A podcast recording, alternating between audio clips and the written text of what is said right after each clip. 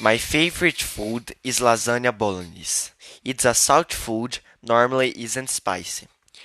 It's part of Italian cuisine.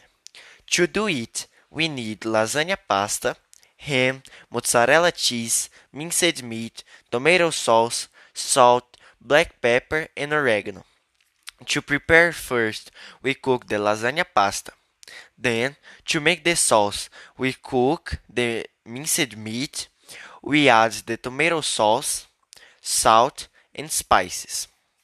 We put together a layer of pasta and another layer of the sauce with cheese and ham until filling the bowl. Then we put in in the oven at 180 degrees and wait 20 to 30 minutes. It's not a recipe so difficult to make. I've done it four times and I can make it myself without any problem.